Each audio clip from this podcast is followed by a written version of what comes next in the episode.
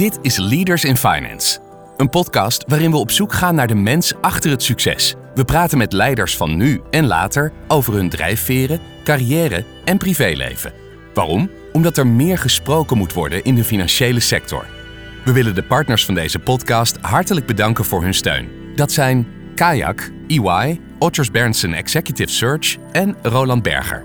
Onze gast deze week maakt zich hard voor passief beleggen. Waarom wilde hij daarvoor een eigen indexfonds oprichten? Ik wil gewoon iets doen waar ik achter sta.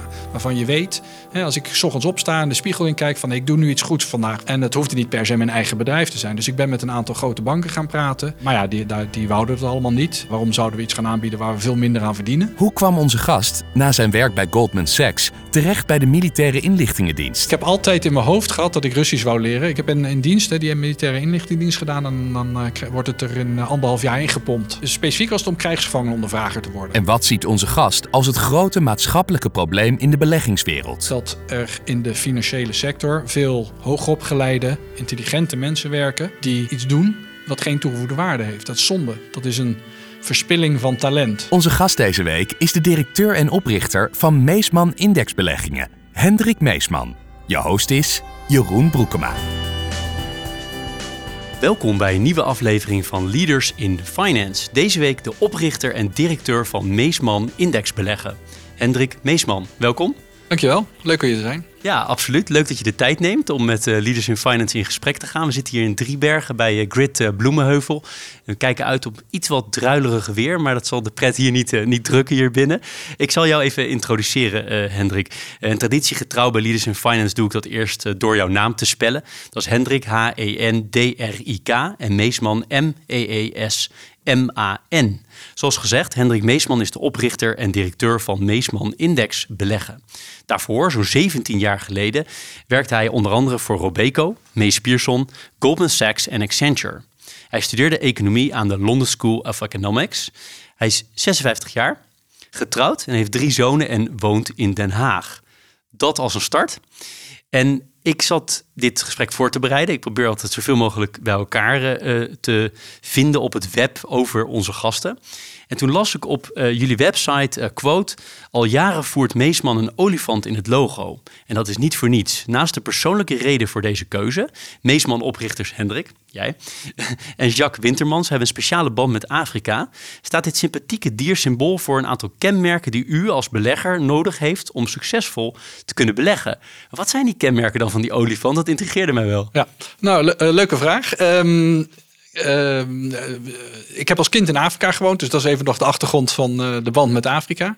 Maar inderdaad, een olifant is een dier dat uh, groot is en, en, en zijn, zijn gang gaat. Dus die heeft bepaalde paden en die houdt vast. Dus dat, noemen dat is voor ons een, een, metafoor voor koers houden. En die trekt zich ook, die is groot en sterk genoeg om zich niet te aan te trekken van wat er om zich heen gebeurt.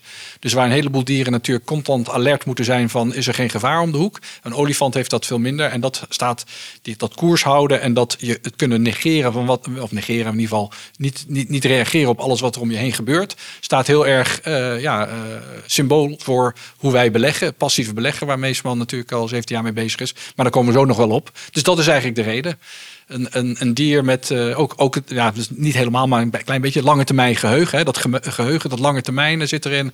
Dat steady, rustig blijven doen wat je doet in plaats van gehaast. En gewoon uh, je, je, ik maar zeggen, de waan van de dag, de chaos om je heen negeren. Is dat moeilijk om koers te houden? Nou, voor mensen en voor het bedrijf? Ja, voor, voor, voor ons bedrijf niet. We doen denk ik al uh, onze strategie die we, of de koers die we 17 jaar geleden hebben uitgezet, dat doen we eigenlijk nog steeds precies hetzelfde. Maar voor mensen, als het dan beleggen gaat, hè, de passief beleggen, waarbij je dus gewoon heel breed spijt en vervolgens vooral, vooral niks moet doen. Dat is inderdaad voor veel mensen best moeilijk. Uh, wij helpen ze daarbij. Hè. We, laten we leggen natuurlijk heel goed uit waarom dat beter is dan wel proberen te doen. En dat je niet kan voorspellen wat op de beurs gaat gebeuren. Uh, en de meeste mensen bij ons doen dat ook gewoon, nou, 99 procent. Maar sommigen vinden dat moeilijk. En je ziet soms dat als het onrustig is op de beurs, dat een, een, klein aantal dan toch uh, gaat bellen, gaat mailen, uitstapt en denkt van had ik maar niet gedaan. Maar inderdaad, dus, maar de gros, het gros ik denk dat wij eh, in onze informatievoorziening en ons verhaal altijd dat continu weer benadrukken. En de GOS, uh, ja, die, die lukt dat prima. Tot nu toe in ieder geval. misschien wel leuk om te vertellen, in de crisis in, in de kredietcrisis 2008, 2009, toen die beurs natuurlijk heel hard onderuit ging en dat lang duurde, hè, bijna twee jaar van dalingen. En ook toen is vrijwel geen klant bij ons vertrokken. Dus dat is, ja, kennelijk lukt het ons om die boodschap wel over te brengen om gewoon rustig te blijven zitten en niets doen. Mooi. Dus veel olifanten als klant. Ja. die koers weten te houden. Dan hebben we het een beetje over het logo gehad, waar, dat, uh, waar die olifant in zit. Dan ook over die naam. Dat is, neem ik aan, jouw achternaam hè, die daar gekozen is. Dat kan eigenlijk niet missen. Hoe, hoe ben je daarbij gekomen? Heb je daar nog over getwijfeld? Of dacht je, nee, het moet gewoon Meesman worden? Nee, ik zeg nog, ik wou eigenlijk niet mijn naam in uh, mijn persoonlijke naam in de naam van het bedrijf. Ik had uh, een aantal andere namen opgeschreven. En toen ben ik dat met wat mensen gaan bespreken in mijn omgeving. Van en, en die raden me eigenlijk allemaal. En vooral één communicatieadviseur die ik goed kende, die raadde dat af. En die zei: nee, zet je naam er vooral wel in. Want één, Meesman klinkt degelijk en betrouwbaar. En twee, uh, het geeft sowieso vertrouwen als je je naam aan een bedrijf koppelt. Dan is er toch iets meer van een persoonlijke band. En geld gaat natuurlijk uiteindelijk om vertrouwen. Uh, dat dat zou helpen. Dus toen heb ik uiteindelijk gezegd: nou prima, dan doen we het zo. Wat mooi, maar het moest wel wennen zijn in het begin als je constant klanten hoort die jouw naam noemen of niet? Ja, ja inderdaad. Was zo. Inmiddels ben ik er zo aan gewend dat ik niet meer weet eh, als meestal of het nou zakelijk of privé is. Ja. Ja, dat kan me, kan me voorstellen. Dat is wel, uh, wel mooi. Weet je nog wat die namen waren die het hadden kunnen zijn? Poeh, ik had een hele... Nee, ik zeg niet meer. Nee, nee, nee. Grappig. Nou ja, zoals luisteraars weten, structureer ik graag ook eh, de kennismaking met de organisatie die jij representeert, die je zelf hebt opgericht, aan de hand van, van stakeholders. En nou ja, misschien de eerste stakeholder die we zouden kunnen belichten zijn de klanten. Kan je iets zeggen over hoeveel klanten er zijn en wat voor soort klanten dat, dat zijn? Ja, wij werken uitsluitend, we denken dus beleggen, hè, eh, passief beleggen om op lange termijn vermogen op te bouwen. En uh, ja, wij richten ons uitsluitend op particuliere beleggers. Dus doen geen instituut. We hebben wel een aantal stichtingen en zo, maar niet institutionele beleggers zoals uh, pensioenfondsen of verzekeraars. Dat doen we niet. Dus uitsluitend particuliere beleggers. Wel veel uh, DGA's en zelfstandigen met BV's, eenmanszaken, dat soort dingen. Maar uiteindelijk zit daar dan één persoon eigenlijk achter. Daar doen we het voor. Um, en ja, dat is. We hebben een stuk of 30.000, geloof ik, nu klanten. Um, en wij. Ja, we hebben eigenlijk alle soorten klanten van, uh, je kan bij ons eenmalig bedrag beleggen, maar je kan ook maandelijks inleggen via een automatisch incasso. Dat kan al van de 100 euro per maand. Dus ik zal maar zeggen, de, de, gering, de klanten met de minste inleg is 100 euro per maand. Uh, en dat, zijn er, dat groeit enorm heel hard. Heel veel mensen die maandelijks bij ons, bij ons beleggen op die manier. Uh, tot mensen die ja, miljoenen bij ons beleggen. Dus alles daartussenin. Dan zijn die grotere klanten wel minder voor ons. Er zitten toch, het gros is meer de mensen die maandelijks sparen. Van 100 tot een paar duizend euro per maand. en mensen die zeg maar categorie 10.000 eh, tot een paar ton beleggen. Dat is het meest. Dus dat is de mediaan een beetje in die orde van grootte, zo 10.000 euro, 20.000 euro? Nee, die ligt wel hoger. Ligt hoger. Ja, Jullie trekken relatief vermogende mensen aan? Ja, relatief wel. Uh, in die mensen, vooral die mensen die eenmalig beleggen, hebben we een relatief jonge doelgroep. Dus de le gemiddelde leeftijd is ergens begin 40. En wel, maar wel uh, relatief grotere bedragen, ja. Als we dan over een andere stakeholder gaan hebben, de medewerkers. Met hoeveel mensen zijn jullie? We zitten nu met elf man op dit moment. Uh, met uh, ja, aardig wat vacatures. Dus uh, mensen die luisteren en zin hebben, you're welcome. Dus nee, dat is ja, de situatie nu. We hebben wel veel uitbesteed. Dus we hebben het bedrijf Lean Mean opgezet. Dus we hebben een aantal vooral administratieve taken uitbesteed aan andere bedrijven. Anders zouden we dat inderdaad op dit moment niet met elf man kunnen doen. Maar dat is de huidige omvang. Helder, helder. Andere belangrijke stakeholder is de de toezichthouder of toezichthouders. Kan je ons meenemen in wie uh, toezicht houdt op jullie en hoe dat, uh, hoe dat vormgegeven is? Ja, nou wij zijn formeel een beheerder van beleggingsfondsen. Dat is, we hebben een vergunning ook als fondsbeheerder. En wij hebben, er zijn twee partijen die daar toezicht op houden. AFM, die doet het gedragstoezicht zoals het heet. En de Nederlandse Bank doet het prudentieel toezicht. Maar als fondsbeheerder heb je wel voor 90% met de AFM te maken. Dus het gros van de toezicht wordt door de AFM gedaan. En uh, ja, dat, dat zijn gewoon, ja, toen wij begonnen 17 jaar geleden, uh, waren, vond ik al veel regels. Inmiddels natuurlijk heel veel meer. dus er zijn heel veel regels waar je moet voldoen. Wij, ja, dat, dat, dat houden wij in de gaten. En AFM, ja, daar hebben we zo nu nog een gesprek mee. Zo nu dan komen ze bepaalde dingen bekijken. Uh, en je hebt eigenlijk doorlopend contact over lopende onderzoeken, dat soort dingen. Dus, maar het is vooral de AFM. Zo nu en dan de Nederlandse bank, maar voor ons een stuk minder. Ja, je bent natuurlijk ondertussen een behoorlijk groot uh, bedrijf geworden, maar je bent natuurlijk ook weer geen uh, Robeco of Nationale nee. Nederland of, of, of, een bank.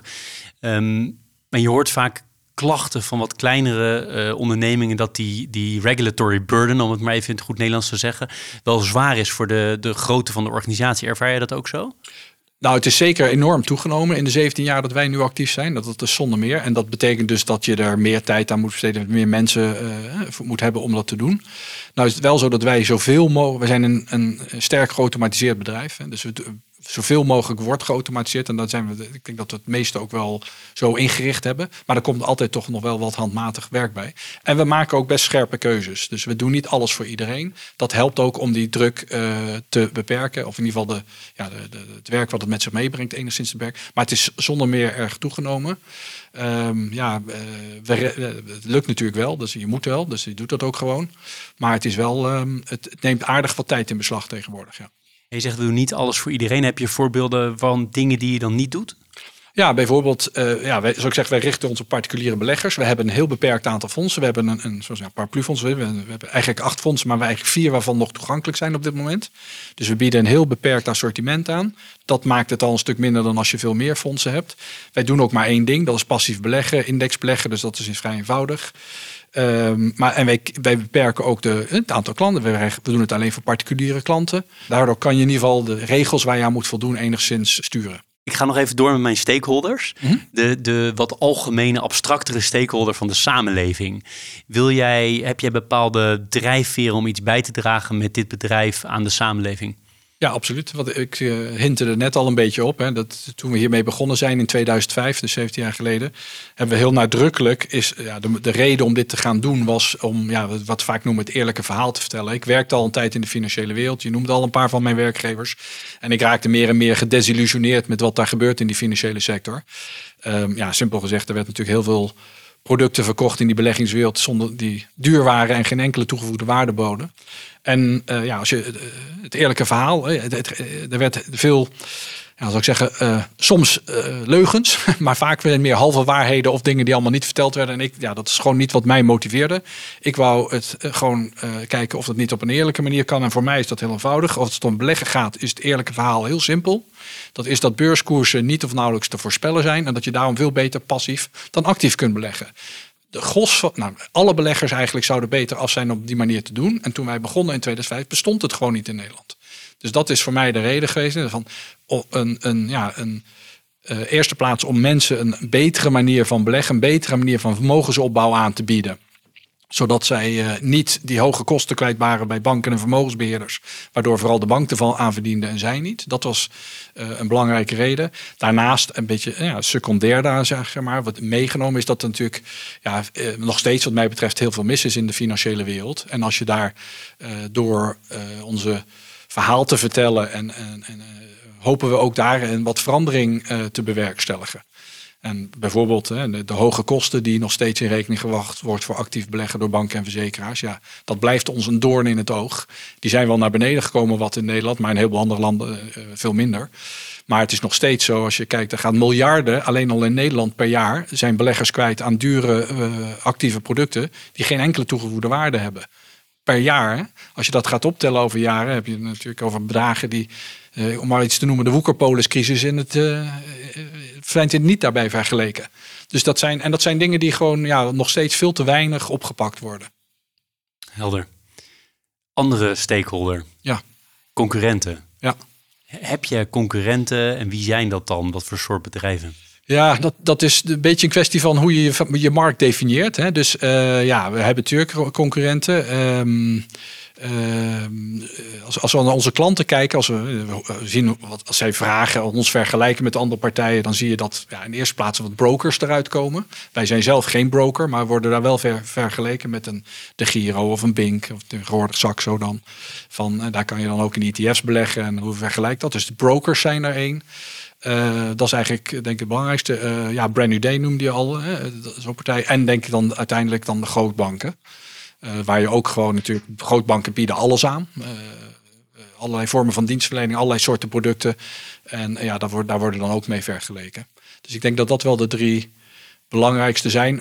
Voor de vermogendere klanten, die gaan van nature vaak naar vermogensbeheerders. Dus dat zien we dan ook wel eens. Dat met vermogensbeheerders vergeleken worden.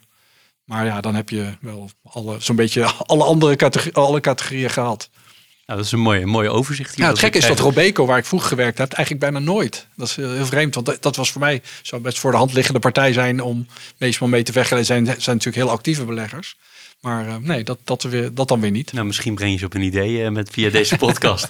Had ik als laatste stakeholder opgeschreven jullie raad van toezicht. Ik zag Frank Heemskerken, Rob Bauer, Marijke van Liemte. eh, Mooie Ja. namen in die raad van toezicht. Wat, wat is die rol van die RVT? Nou ja, er is een soort eh, formele rol natuurlijk. De Raad van Toezicht heeft een, ja, wat de naam al zegt, moet toezicht houden op bepaalde dingen die wij doen. Dat heeft vooral met cijfers en operationele zaken te maken. Dus hè, de, de jaarcijfers, eh, begrotingen, eh, risicobeheer, dat soort zaken. Dat is een beetje meer de operationele kant. En daarnaast eh, adviseren ze ons over ja, strategie. Praten we met ze van, oké, wat is meer de lange termijn strategie van Meesman? Waar moeten we heen? Nou, dat, daar gebruiken ze ook als klankbord om ideeën op te doen. Dus dat is eigenlijk een beetje de twee dingen, die, de rol die zij vervullen. Helder. Dit is Leaders in Finance met Jeroen Broekema. Ik vind het leuk om te switchen wat, eh, naar, naar meer jou ook. Ja. Hè? Dit zegt ook al heel veel over jou natuurlijk, maar nog ietsjes meer ehm, eh, jijzelf. Wil je iets delen over hoe je bent opgegroeid? Je zei al, ik ben eh, in Afrika opgegroeid. Ja, een aantal jaar. Mijn vader was diplomaat. Dus eh, we hebben, ik heb als kind over de hele wereld gezworven. Ik ben geboren in Engeland. En eh, toen ik geloof anderhalf was of zo, zijn we naar Afrika verhuisd. En, en in Ivoorkust, Tanzania en Zuid-Afrika gewoond. Eh, dus daar heb ik een eh, tijd eh, op school gezeten. Of, nou, toen was ik nog jong, maar ook op school in het begin. En daarna ja, België, Nederland. Dus ik heb, ik heb veel, er, overal eh, veel landen gewoond, maar altijd maar een paar jaar. Dus het is een soort zwervend bestaan. Wat in een, voordelen heeft, want ja, je ziet veel van de wereld. Je leert je taal ook een beetje spreken. Ik heb bijvoorbeeld goed, redelijk, toen nog redelijk goed Frans leren spreken, doordat je in Franstalige landen ook zat. Ehm, maar het nadeel is natuurlijk ook dat je niet echt ergens geworteld bent. Hè. Eh, We hadden het in begin nog even over het netwerk. Ja, ik heb hier nooit op school gezeten in Nederland. Ik heb hier niet gestudeerd. Dus een netwerk eh, heb ik niet uit die tijd. Dus dat is dan weer wat minder. Als ik nu zie mijn kinderen die hier eh, geboren en getogen zijn in Den Haag. Ja, die zijn veel meer echt heel erg eh, geworteld in Nederland. En ik merk dat dat blijft gewoon bij je. Dat, dat, dat zwervende bestaan. Ik nog steeds het mooiste vind ik om te gaan reizen. Ik reis eh, veel als het kan. En de hele wereld over. En ik vind het ook leuk om mijn kinderen de wereld te laten zien. Dus dat is kennelijk toch iets wat... Ja, dat, eh, dat, dat zit in me. En dat gaat- is ook nooit meer weggegaan. Heb je ondertussen behoorlijk wat landen. Heb je wel Ja. heb je wel eens geteld? Eh, nee, ik weet wel dat er meer dan 50 zijn. Dus, eh, maar dat is vooral, ik heb in mijn studie, ik was jong, eh, door dat verhuizen, eh, niet elk- eh, we, we hebben in landen gewoond waar het schooljaar niet in september begint. Dus dan ging je weer naar een land en dan met mijn verjaardag won ik steeds een half jaar. Dus ik was uiteindelijk heel jong op school.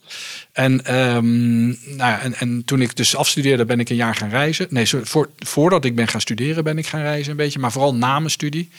En, toen, en, daarna heb ik een tijdje gewerkt. En toen ben ik weer een tijd, een jaar gaan reizen. Dus ik heb, eh, toen ik jong was, was ook mijn doel een beetje in het leven. Ik, heb, ik had mezelf ook voorgenomen voor mijn dertigste eh, zoveel mogelijk van de wereld te zien. En dat heb ik ook heel veel gedaan.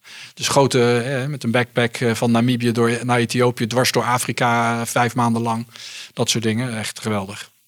Heb je dan in Afrika ook als kind echt de armoede gezien? Of werd je er helemaal weg van gehouden? Ja, wij, wij woonden natuurlijk in eh, een wijk waar, waar dat niet was. En eh, nee, dat, daar weet ik niet zoveel meer van. Je zag het wel eens op straat, maar niet, niet zoveel. Nee. Dus dat, dat nee, je, je woont in een soort eh, ja, enclave, zou ik maar zeggen, van buitenlanders. Of in ieder geval mensen die het goed hadden. Dus dat, nee, als kind werd je daar niet mee, veel, mee geconfronteerd. Echt in de, de bubbel van de expats. Ja, ja, Ja. een beetje wel. En je vader was diplomaat, was hij een ambassadeur of was hij... eh, Ja, later wel, toen nog niet. Hè. Dat was, toen was hij, eh, volgens mij in Zuid-Afrika, zo goed, was hij cultureel attaché. Maar ehm, eh, ja, later wel. Ja. Hij is eh, natuurlijk eh carrière is doorgegaan, maar toen was ik het huis al uit. Kijk, kijk. En je moeder, eh, werkte die in die landen ook? Of ging ze mee? Soms wel, ja. ja de- meestal was dat dan vrijwilligerswerk. Eh, Maar eh deed inderdaad wel eens wat als het kon. In sommige landen was dat makkelijker dan andere. We hebben ook twee keer in Amerika gezeten, in New York en Washington. Ja, dan kan je wat meer doen dan als je in, eh, ja, in Voorkeur zit, is er ook niet zo heel veel te doen. Behalve ze heeft wel een ziekenhuizen bijvoorbeeld, wat, eh, ge- eh, dat soort dingen. Maar echte carrière kwam er niet van. En je was dus gewend ook om steeds van, van plek te wisselen en weer nieuwe vrienden te, vriendjes te maken. En dan ook al jong op kostschool. Heeft dat nog veel gedaan voor de rest van je leven? Dat je steeds wisselt en weer nieuwe mensen ontmoet? Nou, nee, ik denk het niet. Eh, ik denk het niet. Nee, zoals ik zeg, ik, heb niet dus, eh, ik ben niet ergens geworteld. Ik heb niet uh, netwerken dat eh, in Nederland of, of, of ergens anders of in Engeland. Want ik heb dus veel in Engeland gezeten, school nog en, en universiteit. Maar en daar, daar ken je natuurlijk een paar mensen, maar het is niet zo dat. Dus, dus Nee, ik denk niet dat dat verder consequenties heeft. Misschien dat ik daardoor wat minder. eh, ja, ik heb een wat kleinere vriendenkring daardoor, denk ik wel. Omdat je dit netwerk niet hebt. Dus eh, daardoor misschien ook wat meer tijd voor andere dingen. Dat is misschien, maar verder. Ik denk niet dat het heel veel uitmaakt. Want je ging op kostschool in, in, in Engeland. In Engeland, ja. Ik heb nog daar twee jaar op kostschool gezeten.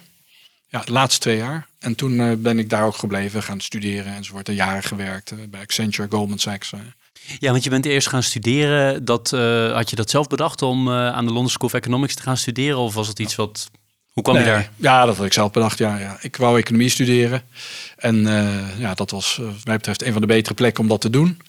Dus dat heb ik eh, toen inderdaad gedacht. Ik heb, omdat ik zo jong was, heb ik nog een tijdje in Amerika gezeten in die tussentijd. En ik twijfelde nog tussen eh, London School of Economics en twee andere universiteiten. Maar toen ik in Amerika was, zei iedereen, oh, lang, dat is een geweldige universiteit. Ja, toen dacht ik, oké, dat, dat is kennelijk zo hoog aanzien, dat eh, doe ik dan maar. Maar dat was, eigenlijk was ik daar zelf ook al uit hoor.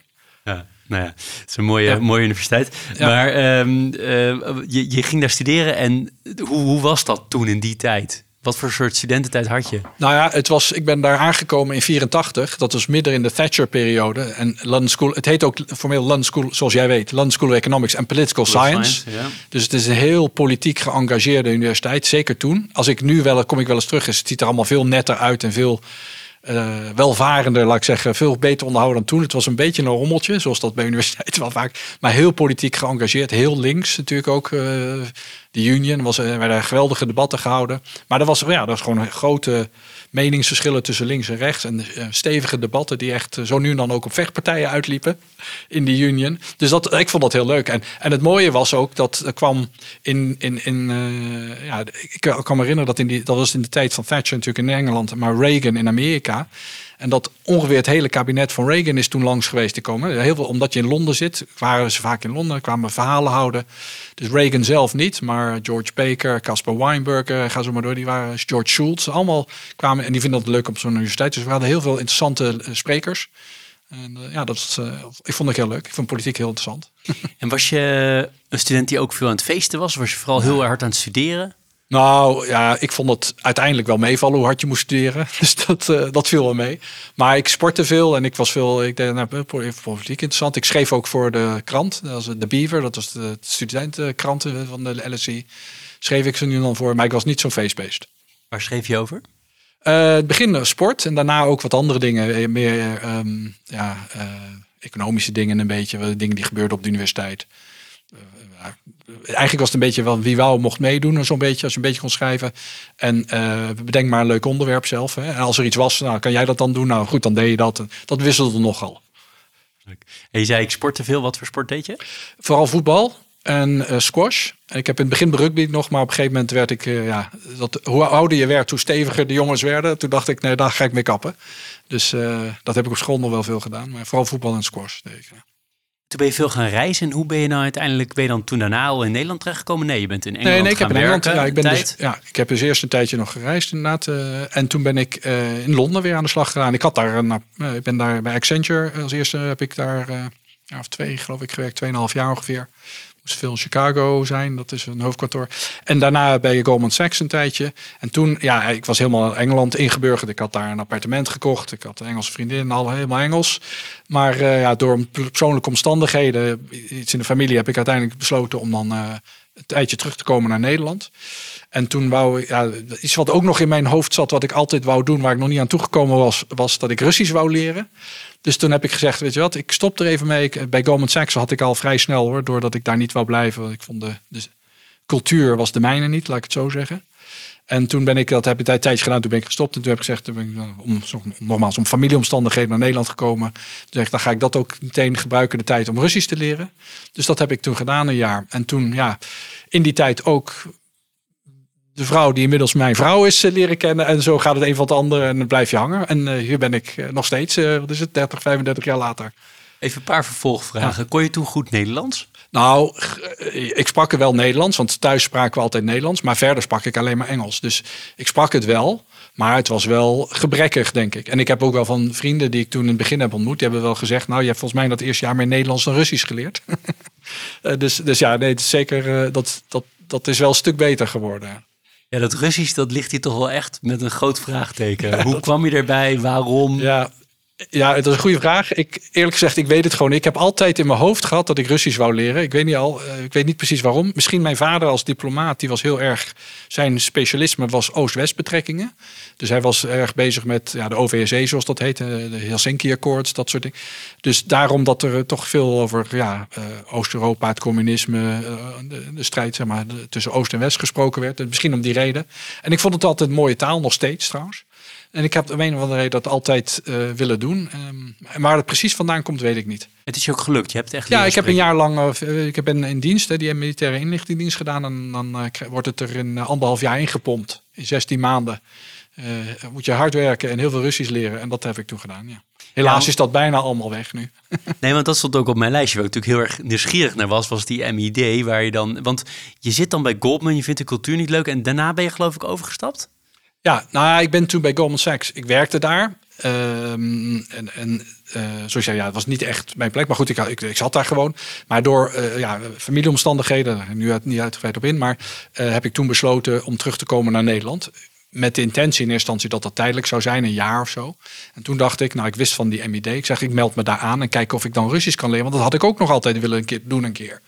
Nou, dat heb ik gedaan en toen ben ik aangenomen. Dus toen dacht ik, nou, dan ga ik, het in, dan ga ik naar Nederland, ga ik dat Russisch leren. En uh, ja, dat afscheid nemen van Goldman. Iedereen denkt natuurlijk, ja, dan ben je gek als je dat doet. Maar uh, dat uh, vond ik helemaal geen probleem.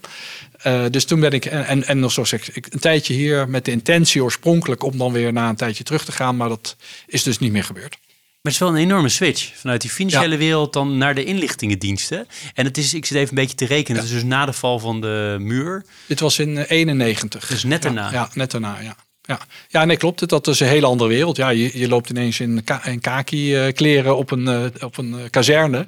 Wat heel anders is. Maar goed, wij, zijn, het was een beetje een apart groepje met die MID. Wij zaten in een soort gebouw waar een, met een talenlaboratorium. En ja, je, s ochtends uh, acht uur uh, ging je aan de slag. En je was s'avonds dan vijf, zes uur klaar. Maar vervolgens moest je de hele avond nog werken. Om stampen, woordjes, dingen leren. Want elke ochtend begon met een toets. En als je die niet haalde, ja, ik kon er misschien eentje een keer niet halen. Maar als je de tweede niet haalde, was je weg. Weet je, eruit geschopt. Dus je moest echt hard werken. Dus we zaten gewoon dag en nacht te werken daar. Is toch weer een beetje Goldman dan. Ja, ja precies. Ja, ja, ja inderdaad. Ja, ja. Maar, maar dat was om spion te worden? Of nee, om... nou, het was om, was, specifiek was het om krijgsgevangenondervrager te worden. Daar was die opleiding voor. Dus, uh, en, en want dat, het, ik zal maar zeggen, het Oost-West, het front hè, met, met het oosten. Het was natuurlijk na de val van de muur, maar dat, duurt natuurlijk even voor dat soort dingen uh, echt uh, veranderingen doorcijpelen. Maar uh, ja, het hele front met het oosten, elk land, NAVO-land, hadden een bepaald deel van dat front waar ze verantwoordelijk voor waren. Ja, en wij werden dan opgeleid dat als de Russen binnen zouden vallen en we, we zouden krijgsgevangenen nemen, dan moesten die ondervraagd worden. En dat was, daar was de opleiding voor.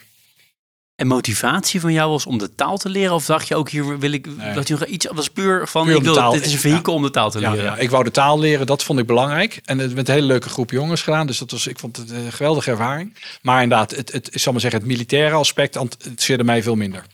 Ja, ik vind, ik vind, ik moet proberen, ik moet ook een beetje om lachen. Ik vind het een heel interessant onderwerp, want je komt uit die linkse cultuur van LSI. Je gaat naar dat toch wel, ja, zeer kapitalistische Goldman, Accenture, echt uh, wel echt Anglo-Saxische uh, bedrijven. En dan hop, in één keer naar ja. de inlichtingendienst. Met als reden om Russisch te leren. Ja. Dat is best wel heftig. Ja, dat Russisch had overigens niks met, met linkse ideologie of zo te maken. Dat ben, ik ben gewoon een liberaal. Maar um, nee, dat, ik weet niet dat ik... Uh, ja, zoals ik zei, dat reizen was ook onder... Ik wou gewoon tot mijn dertigste... Uh, ja, mijn ga je trouwen, hypotheek, kinderen, weet je wel. Dan, dan zit je een beetje dan wordt het leven wat rustiger. Ik wou tot die tijd gewoon ja, zoveel mogelijk dingen doen. Dat reizen hoorde bij de taal, Russisch leren. Dus ja, dit was. En, en het zijn wat uh, misschien vreemde sprongen. Ja, maar ik heb het al wel toch gedaan, de dingen die ik wou doen. Daar ben ik heel blij mee. Ja, nee, hartstikke mooi natuurlijk. Ja. En uh, dat Russisch, heb je dat een beetje weten vast te houden? Nee, spreek je het helemaal niet meer nu? Of? Ja, een paar, nee, een paar, ik spreek het een klein beetje. En als ik, ik was er toevallig een paar jaar geleden met mijn zoon. Uh, waar we naar, naar, daar in Moskou en Sint-Petersburg. En dat, dan is het leuk om weer te zien, want je kan het allemaal lezen. En je, het, ding, het komt wel heel snel terug. Het zit ergens in je hoofd. Maar als je me nu vraagt, uh, praat een paar zinnen, dan dat, dat lukt me niet. Nee. Ik kan wel een paar woorden, maar niet meer dan dat. Nee. En na de MID, hoe ging het toen verder? Nou, toen ben ik dus uh, ja, eens gaan werken voor... ja, Mees Pierson was dat volgens mij in eerste instantie, ja, meteen. Daar heb ik gewerkt een paar jaar, twee, tweeënhalf jaar, ongeveer drie jaar, om ook iets nieuws op te zetten. Ik vind het leuk om nieuwe dingen te doen. Ik ging daar een nieuwe dienst op zetten. Ehm, eigenlijk was Mees Pearson toen de eerste partij in Nederland die fondsen van andere partijen ging aanbieden. toen was het nog zo dat elke bank zijn eigen beleggingsfondsen aanbood. En fondsen van andere partijen kwamen de deur niet in. Uh, en Mees Piersel ging dat toen als eerste overwogen om dat oh, te gaan veranderen. En dat heb ik toen gedaan. En vanwege mijn internationale achtergrond, ik kende veel van Amerikaanse partijen. Dus dan heb ik toen voor zo mede opgezet. Ik heb daar gewerkt in ieder geval. Ik was daar niet verantwoordelijk voor, maar wel. En, uh, maar goed, dat kwam totaal niet van de grond. Want dat was allemaal alleen heel vermogende particulieren. En al die adviseurs daar vonden beleggingsfondsen maar helemaal niks. Die vonden het veel leuker om individuele aandelen te kopen. En een beetje met opties te spelen. Dus dat kwam niet van de grond. En toen ben ik vanuit daar naar Robeco overgestapt. Die eigenlijk hetzelfde gingen doen. Ook... Ehm, uh, nieuwe propositie voor Robeco, hoe heet dat toen? Robeco Advies, later Robeco Direct, zeg maar voor de particuliere markt. Uh, fonds van andere partijen ging aanbieden. Nou, dat heb ik toen ook daar opgezet. Ook dat is toen niet van de grond gekomen. Daar was intern al was strubbelingen, want de Robeco was natuurlijk ook gewoon had een eigen fonds en die vond maar niks dat we ineens fondsen van de Fidelities en god mag weten wie gingen aanbieden. Dus uh, dat kwam toen ook niet van de grond. Ondanks dat dat. nou goed, dus, dus toen, toen heb ik. Nou, heb ik wat andere dingen daar gedaan. Maar um, uh, ja, en ik heb zelf een boek geschreven. Dat was eigenlijk wat, wat alles is uh, doen veranderen. Een boek dat heet Zo bouwt u een vermogen op. Dat ging om sparen, beleggen en leven zeker, maar vooral beleggen. Uh, en toen ik dat boek heb geschreven, dat is in 2000 uitgekomen, het jaar 2000. Toen heb ik me verdiept in het wetenschappelijk onderzoek. Dat had ik nog niet echt gedaan daarvoor. Dus, en, en ja, toen vielen mij echt de schellen van de ogen. Hè. Wat, wat, ik wat je ergens wel een beetje wist, want je zit in die industrie. Maar als je de onderzoeken dan gaat lezen, uh, en uh, er zijn er heel veel, ik heb niet alles gelezen hoor, maar een deel. Ze zeggen eigenlijk allemaal hetzelfde. Dan wordt gewoon heel duidelijk, al die onderzoeken laten zien dat de meeste actieve beleggers de index niet verslaan. Dat hoge kosten natuurlijk fluikend zijn voor je kapitaalsopbouw, je vermogensopbouw. Dat fondsen die het een tijdje wel goed doen, het uiteindelijk toch weer sneuvelen. Dat heet performance persistence, is dan het jargon. Je kunt best een tijdje succes hebben, maar het gaat bijna altijd, nee, niet bijna altijd, het gaat altijd uiteindelijk weer mis dus de Fallen Angels, zoals dat heet. En nou, dat soort dingen, tel dat allemaal elkaar op, al die onderzoeken. En dan is maar één conclusie mogelijk. Je moet gewoon passief beleggen en niet actief. Vooral voor particuliere, nou trouwens nee, voor institutionele beleggers ook. En dat was er niet in Nederland. En toen, ja, dat heeft mij toen heel erg aan denken gezet. Ik heb in dat boek daar iets over geschreven, maar niet te veel. En toen, ja, dan is langzaam dat balletje gaan rollen. En toen zei ja, dit is, ja, het is evident als je eerlijk, iedereen met. En ik raakte meer gedesillusioneerd op wat wij deden. Want wij deden actief beleggen en moesten allemaal producten in de markt zetten van ik wist dat wordt niks. En uh, op een gegeven moment had ik daar gewoon genoeg van. En ja, het, het, het bewijs is, is gewoon ja, sinds het de, eerste, de eerste wetenschappelijke onderzoeken over passief beleggen dateren van eind jaren 60. 1968 uit mijn hoofd, David Jensen, hoogleraar aan Harvard Universiteit, die voor het eerst ging kijken, Amerikaanse beleggingsfondsen, hoe presteren die nou eigenlijk? Daarvoor werd daar helemaal niet naar gekeken, iedereen ging ervan uit er was natuurlijk ook veel minder informatie, er was geen internet. Iedereen vanuit dat zijn eh, hoogopgeleide professionele mensen, die zullen het wel weten wat ze doen. Nou, die deed dat voor het eerst dat onderzoek in 68. Toen bleek dat, ik, ik weet niet aan mijn hoofd, maar het zal wel 70, 80 procent van de fondsen de index niet versloegen. En dat sloeg toen in als een bom. Dat, dat kan toch niet? Nou, en daarnaast zijn er, nou, meer dan 50 jaar zijn we inmiddels verder. Er zijn honderden, zo niet duizenden onderzoeken inmiddels gedaan die allemaal hetzelfde aantonen. Ja, dus dat zag ik ook. Hè. Al die onderzoeken laten zien. Ja, er is maar één logische conclusie mogelijk. Passief beleggen is beter dan actief beleggen. En zoals ik zeg, ja, dat was er niet in Nederland. Dus daar heb ik het opgezet. Maar wat was het moment, kan je dat nog terughalen, dat je dacht, en nu ga ik het zelf doen? Ja, nou ja, eh, ik, ik was daar al een tijdje mee bezig. Ik had het idee, ik wist al precies eigenlijk hoe het moest. Maar ik heb in eerste instantie nog gesproken met een aantal hele grote banken in Nederland. eigenlijk, eh, eigenlijk alle, nou nee, twee, een aantal grote.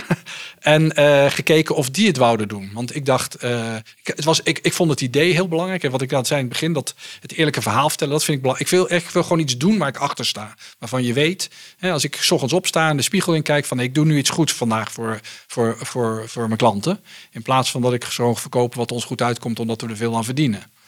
En dat, dat uh, dat wou ik doen. En het hoefde niet per se mijn eigen bedrijf te zijn. Dus ik ben met een aantal grote banken gaan praten. Uh, maar ja, die, wouden het allemaal niet. Om een aantal redenen. Maar de belangrijkste was gewoon, ja, waarom zouden we iets gaan aanbieden waar we veel minder aan verdienen? En als ik dan inbracht van, ja, maar het is wel het beste voor de klant. Ja, dat, uh, hadden ze gewoon geen boodschap aan. Dat, dat, dat, dat, was geen overweging. Dus dat, kwam ik, dat, dat lukte niet. Die wouden het allemaal niet. Ja, en toen was er maar één optie. En dat was het zelf doen. En dat heb ik toen gedaan. En dat is uh, qua zakelijk wat zaak, de beste beslissing die ik ooit genomen heb. Dan heb je dat gedacht, ik ga het zelf doen. En dan hoe gaat het dan praktisch verder? Dan zoek je dus blijkbaar iemand erbij. Ja, ja dus ik, uh, ja, ik wou het zelf gaan doen. Um, maar inderdaad, om te, heel simpel, om een vergunning te krijgen, je moet een vergunning hebben. Om daar moet je al minimaal twee bestuurders hebben. Hè? Dat, anders krijg je geen vergunning. Je mag niet in je eentje. De AFM geeft geen vergunning af als er maar één directeur is. Dus je moet een ander hebben. Dus toen ben ik in eerste instantie even met wat met een één of twee, nou eigenlijk twee collega's die ik, uh, waar, waarvan ik dacht, daar wil ik het wel mee doen, heb ik erop aangesproken. En dat was wel gek. Eén uh, durfde het zelf niet en de ander wou heel graag, maar mocht van zijn vrouw niet. die vond dat veel te eng. Dat zo'n avontuur. Hij had een goede baan, korting op de hypotheek, leaseauto. Je weet het wel, de gouden kooi. Dus die, dat ging toen niet door. En toen zat ik op een dag met mijn oom, Jacques Wintermans, te praten. Die was partner bij Boer en Kroon. Die was daar net uh, afget of uit het partnership uh, gestapt. En ik zat mee te denken. En zei van, nou, dit is wat ik wil gaan doen. En ja, nou, dit zijn mijn plannen. Maar ja, ik, ik moet zoeken iemand anders erbij. Die zei, nou ja, misschien kan ik het wel doen. Die, en zo is het eigenlijk gegaan. En zo, ja, toen heb ik hem erbij gehaald. En hij, wij met z'n tweeën hebben het opgericht uiteindelijk. Was het lastig om het op te richten? Nee, dat viel wel mee. Uh, je moest uh, natuurlijk een prospectus schrijven. Dat heb ik ook allemaal zelf gedaan. En, en het kost wel tijd. Maar ja, ik had daar ervaring. Ik, werkte al, uh, ik heb zeven jaar geloof ik bij Robeco gewerkt. Dus ik had daar best wel ervaring mee met dat soort dingen. dus dat ging redelijk snel. Ehm, nee, het is meer de, de, de, financiën bij elkaar krijgen. Want je moest toch wel een paar ton hebben. En we wouden, dat moest van ons komen. Hoe heb je dat gedaan? Nou ja, gewoon eigen geld erin gestopt. En Jacques, mijn compagnon, dus ook. We hebben gewoon ons eigen geld. Hadden, uh, tenminste, ik, Jacques niet. Hij had wat meer, maar ik had er net genoeg voor. Vond je dus, spannend? Ja, ergens wel, uh, natuurlijk. Maar uh, ik had geen enkel moment twijfel of ik het wel moest doen, hoor. Nee, dat zeker niet. Nee, dus ik, nee, ik vond het echt gewoon een geweldig avontuur. Dat is ook belangrijk, dat je een beetje avontuurlijk leeft. De dingen doet die je motiveert. En ik, had, ik was zo gedreven. Ik weet nog wel dat is na een jaar ongeveer met een oud collega weer uit ging eten. En dat ik zei, ik heb nog nooit zoveel in een jaar gedaan als dit eerste jaar. Want je bent zo gedreven, dag en nacht aan het werk. En, en het kost geen enkele moeite. Je wordt er helemaal niet moe van. Het geeft juist energie omdat je zo enthousiast bezig bent met wat je doet. Dat, dat zelfs dingen als prospecten schrijven vond ik toen nog leuk. nu niet meer. nu niet meer, mooi. En, en je eerste klant, hoe kwamen die binnen? Ja, we hadden dus nul, we hadden een marketingbudget van letterlijk 0 euro. Dat is ook heel lang zo gebleven, jarenlang. Dus daar gaan we geen cent uit aan marketing. Dat is een beetje gaan vooral via free publicity. Dus wat wij zijn gaan doen is uh, publiciteit opzoeken, met journalisten praten. En dat was in het begin even werk, want die zei, ik kan me nog in dat journalisten zei, dat kan toch niet waar zijn wat je hier zegt. En uh, nou, dan hadden we, haalden we weer een wetenschappelijk artikel erbij of zo, lieten zien. Nou, toch wel. En langzaam begon dat te komen. Het begon toen net te veranderen in de markt. Dus wij, hebben, nou, ja, wij zijn wel de partij geweest die als eerste in Nederland dat is gaan verkondigen. Veel met journalisten praten en die schreven erover. Die vonden het ook wel leuk, want in eerste plaats was het natuurlijk ja, een beetje schoppen tegen de geveste orde. Daar houdt een journalist wel van. Dus dat, dat vonden ze ook wel mooi. En het verhaal klopte gewoon. Het was gewoon, je kan het helemaal wetenschappelijk onderbouwen. Er zijn onderzoeken genoeg die dat... Je, je laat zien wat er in Amerika gebeurt, waar de eerste indexfondsen in 19 1975 zijn begonnen. Dus daar was het al enorm aan het groeien. Ja, dat is ook niet voor niks. Dus uh, dat was zoiets wat van, waarvan wij ook zagen. En, en we, die journalisten wisten te overtuigen. Dit wordt de toekomst, ook in Nederland. Nou, dat vonden ze dan leuk natuurlijk om over te schrijven. Dus, dus zo zijn we aan onze klant. Gewoon allemaal free publicity. Erika Verdegaal was een, eh, een, iemand die daar vaak over schreef. Uh, de, vooral de mensen die voor particuliere beleggers schreven. Frank van Alphen bij de Volkskrant, bij het Financieel Dagblad een aantal journalisten. En uh, zo zijn we eigenlijk aan onze klanten gekomen. Begonnen jullie zelf als onderneming meteen geld te verdienen of duurde dat jaren? Want de marge zijn best wel. Ja, nou, het eerste jaar hebben we behoorlijk verlies gemaakt. Want je moest, we hebben ook alle kosten meteen het eerste jaar afgeschreven. Want je moet de opstartkosten zijn behoorlijk. Dus het eerste jaar hebben we nog uh, verlies gemaakt. En daarna hebben we wel altijd uh, kosten, zijn we winstgevend geweest. We hebben ook elke maand, al, altijd een hele bestaan, altijd groei gehad. maar dat lukte alleen door ja, heel het kostte voor onszelf, in het begin beheerden we heel weinig vermogen, om die heel laag te houden. Dus we werkten vanuit huis. Ik had gewoon een zolderkamer, daar zat ik met uh, Jacques. Heel moderne. Ja, ja, dus het, uh, gewoon bij ons thuis. We hadden dus geen uh, kantoren en het was gewoon mijn salaris was een fractie van wat het was bij Robeco. En dat is dan langzaam op, weer een beetje behoorlijk geworden. Maar dat was in het begin heel weinig. Ik ben twee, drie jaar niet met vakantie geweest. Gewoon, uh, ja, uh, bij gewoon back to basics. En ja, pas uh, ja, wat meer verdienen als het moment dat het ook kan. Dus, en dat toen kwam nog, wij zijn dus begonnen in 2005. Nou, we hebben altijd groei gehad, zoals ik zeg, maar in het begin ging het wel langzaam. en toen kwam natuurlijk in 2008 de kredietcrisis. Nou, dan gaat je beheerd vermogen behoorlijk omlaag. Maar goed, bij ons hebben we dan het geluk gehad dat wij, want we beheerden nog niet zoveel, dus dan gaat het ook nog eens omlaag en dan wordt het nog krapper. Maar we hebben het geluk gehad dat in die tijd ook best wel wat mensen zijn ingestapt. Dus wij hadden, ja, uiteindelijk is voor ons de, de, de klap die dat financieel met zich meebracht, veel mee. En zoals ik zeg, wat ik eerder al zei, bijna niemand, geen enkel, een handjevol klanten, maar meer niet vertrokken. Dus heel erg, uh, nee, dus, dus uh, die, die crisis was ook nog, achteraf denken we wel eens van, nou, toch best knap dat we dat overleefd was hebben. Was dat het moeilijkste moment in het bestaan, bestaan ja, van financieel gezien, financieel gezien wel, ja. Was dat het moment van je zegt, oké, okay, hoe lang duurt die crisis? En als we dus jarenlang nu nog, uh, we verdienden al weinig, nog veel minder gaan verdienen. Ja, uh, hou je dat vol. Maar goed, uiteindelijk uh, trok het aan en na die crisis, we zijn dus ook zeg, altijd is er geld binnengekomen. En nee, dat is prima gegaan uiteindelijk. Leaders in Finance met Jeroen Broekema. En wat ik interessant vind vanuit jouzelf, dit is Leaders in Finance, is toch leiderschap, hè? Dat jij aangaf eerder, ik quote, uh, ik vind het leuk om nieuwe dingen te doen. Maar je doet het nu toch al 17, 18 ja. jaar. Ik kan voor de eerste jaren ontzettend exciting is. Nieuw opzetten, ondernemer worden, de eerste klanten komen binnen. En dan zo'n crisis erachteraan, ook weer spannend. Hoe overleven we dat? Maar dan komt er misschien ook wel een punt dat je denkt, ja, en, en nu, nu snap ik dit spelletje wel. Uh, en heb ik eigenlijk zin om iets nieuws te gaan doen. Ja, nou, dat klopt. Dus op een gegeven moment, ja, natuurlijk, het bedrijf bestaat nu al 17 jaar. Het is groter. Andere mensen doen een heleboel dingen uh, die ik niet meer doe. Dus dat is eigenlijk heel fijn. Want, maar er zijn nog steeds altijd nieuwe dingen die je kunt doen binnen zo'n organisatie. Om een voorbeeld te geven. Ik vertelde dat ik een boek heb geschreven in 2000. Wat ik nog niet had verteld is dat mijn compagnon Jacques Wintermans in 2009 ook een boek heeft geschreven. De, de schitterende eenvoud van indexbeleggen. Nog steeds ja, het Nederlandstalige boek over indexbeleggen. En ik ben nu bijvoorbeeld bezig om een, een, een nieuw boek te schrijven. Daar ben net aan begonnen. Dus dat zijn dan weer nieuwe dingen. Dus ondanks dat ik nog steeds uh, voor hetzelfde bedrijf werk, kun je daarbinnen natuurlijk wel steeds weer nieuwe dingen, uh, nieuwe projecten, nieuwe uitdagingen vinden. Bijvoorbeeld in de vorm van een boek schrijven, maar ook ja, we hebben pensioenrekening geïntroduceerd. Duurzaam beleggen is erbij gekomen. En ook ons denken over dat indexbeleggen en passief beleggen, wat dat nou precies is en hoe je dat het beste kunt doen, is ook geëvolueerd. Dus er zijn toch wel steeds weer nieuwe ja, uitdagingen, nieuwe, uh, om, om, je, om, om je gewoon intellectueel ook een beetje bezig te houden. Waar gaat het nieuwe boek over? Uh, eigenlijk hetzelfde. We gaan, wat, wat passief beleggen nou precies is, gaan we goed uitleggen. Want daar is heel veel verwarring en misverstand over. En misschien om een. Het staat er eigenlijk op onze website al hoor. Kijk, passie. Er zijn heel veel indexfondsen. Er zijn heel veel, nog veel meer ETF's en beursgenoteerde indexfondsen. Daar wordt enorm in gehandeld. En passief beleggen was natuurlijk ooit. Ja, passief beleggen is eigenlijk. We vat het wel eens samen in twee woorden: is niet kiezen. Het is gewoon passief beleggen is in alle aan. Als je passief wil beleggen in aandelen, moet je eigenlijk in alle aandelen wereldwijd beleggen. In verhouding tot hun beurswaarde. Hè? Dus beurswaarde, marktgewogen zoals dat heet in het jargon. En die gewoon aanhouden tot je geld weer. En verder doe je niks. Dus zo breed mogelijk gespreid. Alle aandelen wereldwijd. Nou, dat, dat is wat wij met. We hebben één fonds aandelen wereldwijd totaal. Wat dat ideaal het dichtste benadert. Nou, dat is wat passief beleggen is. Dus als jij belegt in een ETF die de AX volgt, ben je helemaal niet passief aan het beleggen volgens ons. Nou, niet volgens ons, volgens de definitie van de meeste wetenschappers. Passief, dat AX, de Nederlandse beurs, vertegenwoordigt 1% van de wereldwijde aandelenmarkt. Dus je laat 99% bewust of onbewust, maar het laat je achterwege. Ja, dat is impliciet een actieve keuze. En dus ja, echt passief betekent alles, uh, agnostisch, niet kiezen, dan ben je echt passief bezig. Maar goed, de AX-track is al iets passiever dan alleen maar één, uh, één aandeel Shell. Uh. Dat is waar, dus er zijn gradaties daarin, maar het is nog steeds uh, maar een heel klein stukje van wat de wereld te bieden heeft. Fair enough. ik ga verder niet in discussie, want je hebt natuurlijk helemaal gelijk. Um, uh, teaser, uh, pleaser hebben we altijd bij Leaders ja. in Finance. Pleaser is altijd dezelfde, daar komen we zo op. De, voor de teaser heb ik opgeschreven passief beleggen of, of ETF beleggen of index beleggen. Het zijn natuurlijk allemaal andere dingen, maar het komt allemaal neer op een bepaalde vorm van passiviteit. Heeft zo'n vlucht genomen. Het is zo gigantisch groot geworden, want toen jij het predikte was het eigenlijk nieuw in Nederland. Wat je zelf zei, hè, de media die moest zelfs nog denken van klopt dit wel? Je moest het nog uitleggen. Nou, zul je nu, die vraag zul je nu niet meer ja. krijgen, denk ik.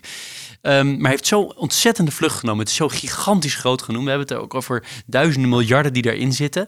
Dat um, in combinatie met dat heel veel besluiten technisch genomen worden door algoritmen en andere um, uh, automatiseringen, dat dat het grote nadeel kan hebben dat er schokken ontstaan die veel zwaarder door gaan dreunen als eenmaal al die algoritmes beslissen er moet verkocht gaan worden. Dat dat nog veel dieper uh, dal kan leiden in de, in de, op, de, op de aandelenbeurzen. Ben je het daarmee eens? Nou, ik zie dat als twee verschillende dingen. Dus een indexfonds is wat anders dan algoritmes. Dus het, het zeg maar ehm, via algoritmes traden, wat je heel veel ziet, wat hedgefonds en alle andere partijen doen dat, dat zie ik echt als twee heel verschillende dingen. Dus als er, uh, om het tweede te beginnen, dus als er inderdaad via regels uh, massaal verkocht wordt en, en, en er is een trigger ergens waardoor iedereen massaal gaat verkopen, kan dat natuurlijk inderdaad zo'n beweging verergeren. En dat, zal, dat is ook wel eens gebeurd in het verleden daar staat tegenover dat er ook weer natuurlijk partijen zijn die dat als een opportunity zien of een mogelijkheid om juist weer in te stappen. Dus of dat uiteindelijk tot veel meer volatiliteit leidt, vraag ik me af. Want als je kijkt naar studies over de volatiliteit, over de bewegelijkheid, de schommelingen op de beurs op lange termijn, is de beurs niet volatieler geworden dan die was 20, 30 jaar geleden. Dus in die zin, dat, je ziet het nog niet in de cijfers. Misschien moet er nog zo'n grote crisis komen die, die we nog niet hebben, dat, dat dan pas echt blijkt. Maar eh, tot nu toe is daar niet echt bewijs voor. Wat indexbeleggen betreft, dus, want je zegt ook er zit heel veel meer geld in indexfondsen, dat is waar. Uh, maar dat is dus e-, echt, er zijn twee dingen daarover. Indexfondsen die heel breed gespreid zijn, ja, die, die, daar zit geen algoritme achter die gaat kopen, verkopen bij bepaalde triggers. Die kopen gewoon alles en blijven rustig zitten. Die kopen, die kopen aandelen als er geld in het fonds stroomt en verkopen als mensen hun geld opnemen. Maar dat wordt niet getriggerd door bewegingen op de beurs. Hè. Eh, eh, dus dat is een ander mechanisme. Dat ze zo groot worden en, het tweede wat ik daarover moet zeggen, en dat heeft weer te maken een beetje met die definitie van passief beleggen. Er zijn duizenden ETF's in de wereld tegenwoordig. Uh, en maar ja, 99% vermoed ik daarvan zouden wij bestempelen als actieve fondsen. Die hebben dus maar een klein deeltje van de beurs. Dus als jij een ETF, uh, uh, ik noem maar wat de AX-ETF, worden allemaal getriggerd en gaan verkopen, dan heeft dat invloed op de Nederlandse beurs, maar niet op de rest van de beurzen wereldwijd. Dus de meeste ETF's worden gebruikt ook door actieve beleggers. Hè. Het zijn wat ooit bedoeld was als een passief instrument, is door die, het feit dat je op de beurs natuurlijk de hele dag kan handelen, is verworden tot een handelsinstrument voor actieve beleggers. Het is eigenlijk een passieve beleggen. Eh, sorry, het is een passieve belegging, een indexbelegging, waar actief mee belegd wordt. En dat is een heel andere gebruik ook dan als je echt passief belegt zoals wij doen. Gewoon alles kopen en je blijft gewoon altijd rustig zitten. Dus dat type passieve fondsen, daar, daar, dat zal nooit uh, tot problemen leiden in de markt. Het feit dat ETF's inderdaad zo makkelijk verhandelbaar zijn en, en, en, in bepaalde, en tegenwoordig ook in markten waar de onderliggende beleggingen minder goed verhandelbaar zijn, liquide zijn, bepaalde uh, kleine bedrijven bijvoorbeeld, ja, dat, dat, kun je, dat kun je afvragen of dat inderdaad niet tot op een gegeven moment tot een probleem kan leiden. Maar als ik even goed, uh, als ik het goed begrepen heb, is het dus voor jou best wel zorgelijk dat mensen denken dat ze passief aan beleggen zijn, maar dat eigenlijk misschien niet hardcore actief is, maar dat het wel daartussenin zit tussen passief en actief. Ja, ik denk dat de meeste, dat veel mensen, zeker de mensen, beleggers in ETF's, die zijn de meeste daarvan zijn actief aan het beleggen, terwijl ze misschien denken dat ze passief zijn. Maar zo'n zo'n heel bekend fonds van uh, Vanguard All World of zoiets, uh, is dat dan uh, voor ja, jou? Dat, dat, is, dat is wel echt passief. Ja, dat is als je All World hebt, waar hè, ont, ontwikkeld, dus duizenden aandelen in zitten van ontwikkelde en opkomende landen. En als er dan ook nog de, de small caps, dus de kleine bedrijven bij zitten, die niet in de standaardindexen zitten, nou, dan heb je zeker een breed gespreid fonds. En dat is ook wat wij met dat aandelen wereldwijd totaalfonds doen. Daar zit echt uh, groot, middelgrote, kleine bedrijven, ontwikkelende, opkomende landen, zo breed mogelijk. En als je daar redelijk dicht in de buurt bij komt, dan is dat natuurlijk ook wel passief. Je moet niet te zwart-wit zijn, maar er is wel, uh, ja, nogmaals een AX-fonds of een alleen Europees, uh, Eurostox 50. Ja, dat is 50 aandelen maar van de 10.000 die er zijn wereldwijd. Dus eigenlijk, ehm, zoals je greenwashing hebt in uh, sustainable finance, heb je hier eigenlijk passive washing. Ja, zo kun je, ja leuke Misschien term. dat we een nieuwe term voor jouw boek, uh, die wil ik even aandragen vandaag. Ik uh, maar goed, wie weet. Um, aan de pleasende kant hebben we altijd dezelfde vraag, namelijk lees je graag? En, en zo ja, heb je bepaalde boeken die jou geïnspireerd hebben of die jij zou willen aanraden aan mensen? Ja, Um, zeker. Ik, ik, ik, las vroeger veel meer dan tegenwoordig, moet ik erbij zeggen. Gewoon een kwestie van tijd, helaas. Um, maar uh, als ik misschien twee boeken kan noemen. Um, de eerste plaats, uh, toch even zakelijk. Hè? Ik noemde al het boek van Jacques, Schitterende Eenvoud van Indexbeleggen. Waar, waar ja, ja, als je wil weten wat indexbeleggen is en hoe je dat kan doen, is dat toch wel het boek in, in, in, in Nederland. Uh, maar het boek wat mij ooit mede heeft doen beslissen om dit te gaan doen, wat ik nu doe, is uh, ja, Common Sense on Mutual Funds, zoals het heet, van John Bogle. Ja, hoe kan het ook anders? Hè? De oprichter van Vanguard, uh, ik zal maar zeggen, de aartsvader van, het, uh, van indexbeleggen. Um, die, um, ja, die, die, die, die we overigens ook al een keer ontmoet hebben in, Amerika. Hele Hele leuke vent. En die heeft nog wat geschreven in het boek van Jaken. Een opmerking erbij, leuk.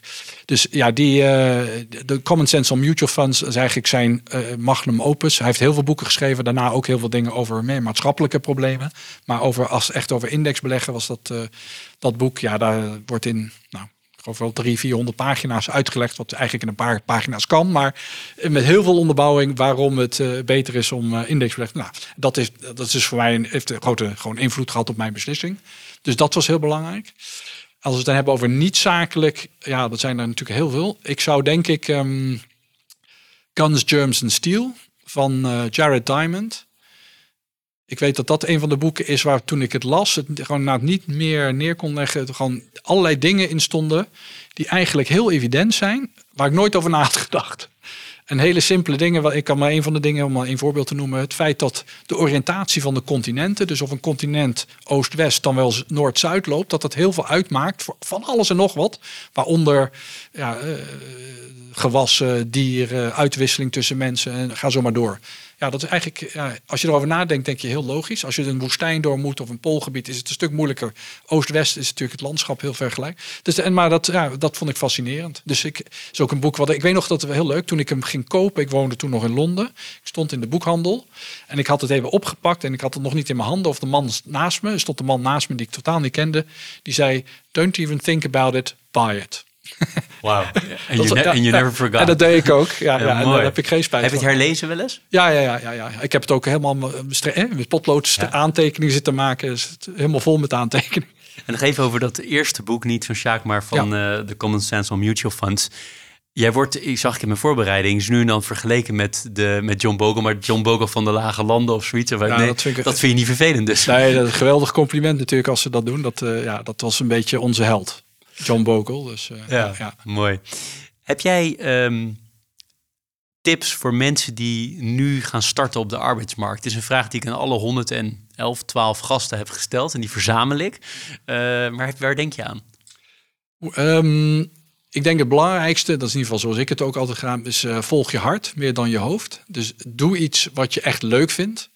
Want uh, als je begint, hè, ik heb ook wat dingen gedaan waarvan ik gewoon dacht, nou, een mooie baan, heeft aanzien, status, goed salaris, bla bla bla.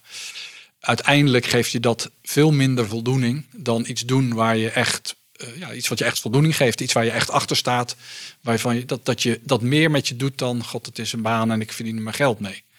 Dat, dus dat, ik denk dat dat het allerbelangrijkste is. Als, als je zoiets kan vinden, dan is al het andere denk ik daaraan ondergeschikt. En dan, dan ga je het ook goed doen, dan ga je er plezier in hebben. Dan heb je gewoon een gelukkiger leven, meen ik oprecht, dan als je iets doet vanwege de centen. Ik kan me helemaal voorstellen. En mijn vraag zou zijn, als ik dat toepas op jouw loopbaan, zoals we dat op hoofdlijnen hebben doorgenomen vandaag. Had je dan Accenture, Goldman, Robeco, MID nodig om te komen tot het opzetten van dit succesvolle bedrijf? Ja, ik denk het wel. Ik denk wel in die zin dat, ja, misschien als ik dit idee had gehad tien jaar eerder, was ik er misschien mee begonnen, dat weet ik niet. Ik denk wel dat het goed was om toch eerst ergens wat ervaring op te doen, een beetje te zien hoe zo'n industrie in elkaar zit. Niet helemaal het hart volgen. Nee, nee, klopt. In het begin niet. Nee, nee, dat is waar. Ja, nee. Maar nee, nee, misschien moet ik het dan ook inderdaad zo uh, uitleggen als van, ja, wat ervaring opdoen is misschien wel nuttig. Uh, maar uiteindelijk, doe dan, kies voor iets wat je. En, en om, om je een voorbeeld te geven, toen ik bij Robeco zat, dus ik heb daar een jaar of zeven gewerkt.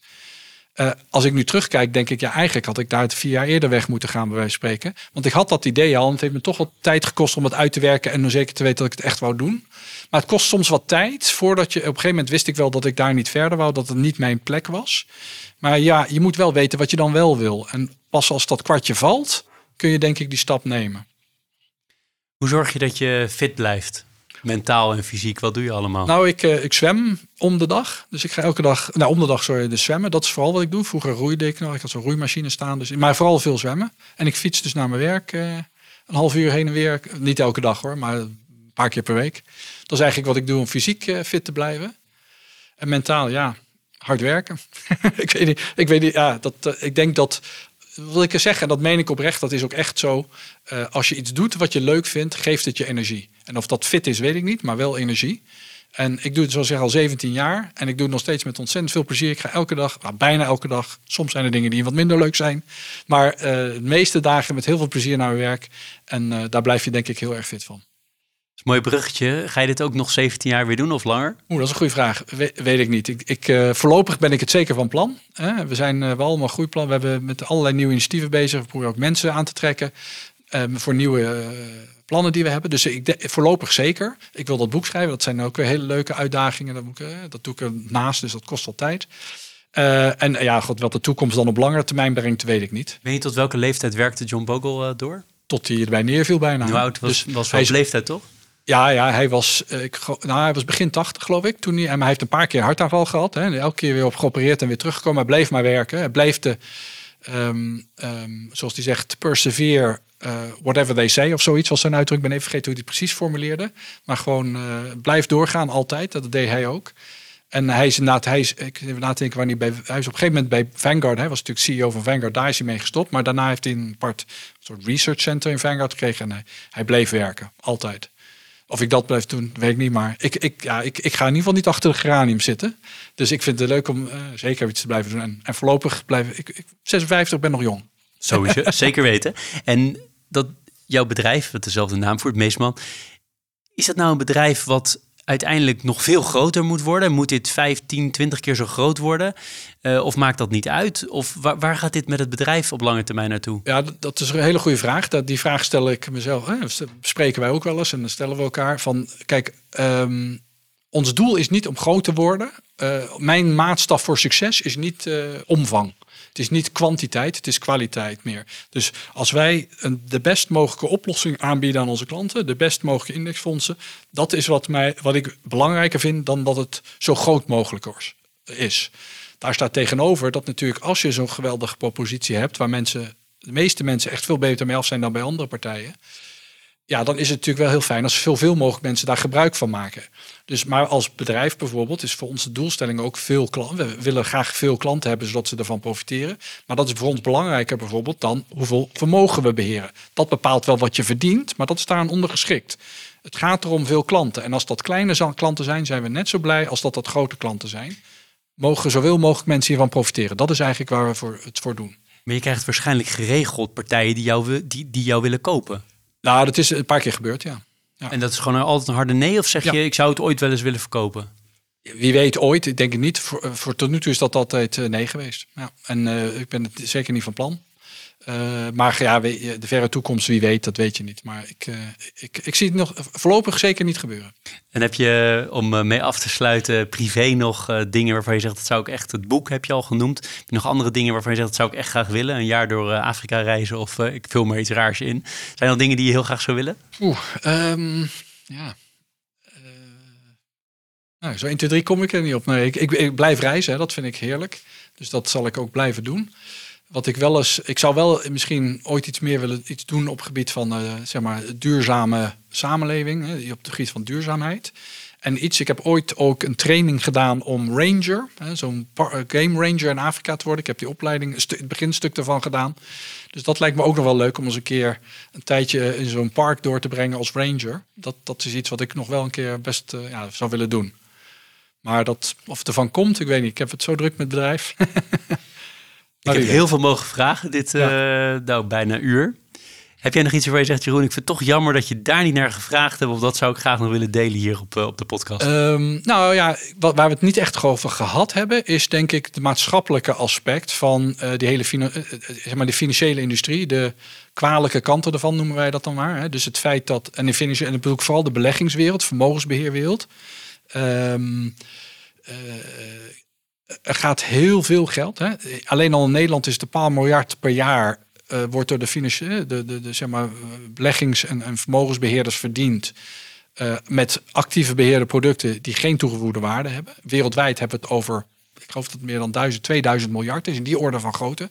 Enorme sommen geld die van de gewone belegger uh, betaald. Dus uit zijn portemonnee gaan naar een beleggingsindustrie die voor het grootste deel overgrote deel geen toegevoegde waarde heeft. Ik vind dat een maatschappelijk probleem en daar zou meer aan gedaan moeten worden. Dat is één. En het tweede aspect, het maatschappelijke, is dat er in de financiële sector veel hoogopgeleide, intelligente mensen werken, die nogmaals ook daar weer iets doen wat geen toegevoegde waarde heeft. Dat is zonde. Dat is een verspilling van talent. En het zou daarom ook het zou heel goed zijn als die deze industrie, in ieder geval de beleggingstak daarvan, de hele vermogensbeheerwereld, als de passief beleggen veel groter zou worden, de meeste actieve beleggers zouden verdwijnen en al die mensen iets gingen doen wat nuttig was voor de samenleving. Bam, statement. Ja. Duidelijk. Nou, prachtig uh, om mee te eindigen, denk ik. Ook om, om voor luisteraars om nog eens goed over, over na te denken. Of ze er wel of niet mee eens zijn, maakt niet uit. Maar dat, dat kunnen, ze dan, uh, kunnen ze dan doen. Uh, ik wil je heel hartelijk danken. ik heb ontzettend veel mogen vragen. Ik krijg overal meteen antwoord op, of het nou privé is of zakelijk. Hartstikke leuk. Heel erg leuk gesprek. Inspirerend gesprek ook voor mij. Um, je krijgt namens Bocca Koffie, dat is een, uh, een B Corp gecertificeerd uh, bedrijf. Ik wijs er nu naar, maar het staat er niet, maar het komt hier zo te staan. Een, uh, wat, wat koffiebonen als bedankje voor je, voor je tijd die je vrij hebt gemaakt voor Leaders in Finance. En nogmaals, heel hartelijk dank. Nou, dankjewel. Leuk, leuk dat, van het, het presentje. Ik vond het ontzettend leuk om te doen. En wie weet tot de volgende keer. Dit was Leaders in Finance. We hopen dat je deze aflevering met veel plezier hebt beluisterd. We stellen je feedback erg op prijs. Wat houdt je bezig en over wie wil je meer horen? Laat het weten via een Apple of Google review. Dat kan ook via de sociale mediakanalen of direct via een e-mail. We kunnen het enorm waarderen als je dat doet. Tot slot danken we onze partners voor hun steun. Dat zijn Kayak, EY, Otters Berndsen Executive Search en Roland Berger. Bedankt voor het luisteren.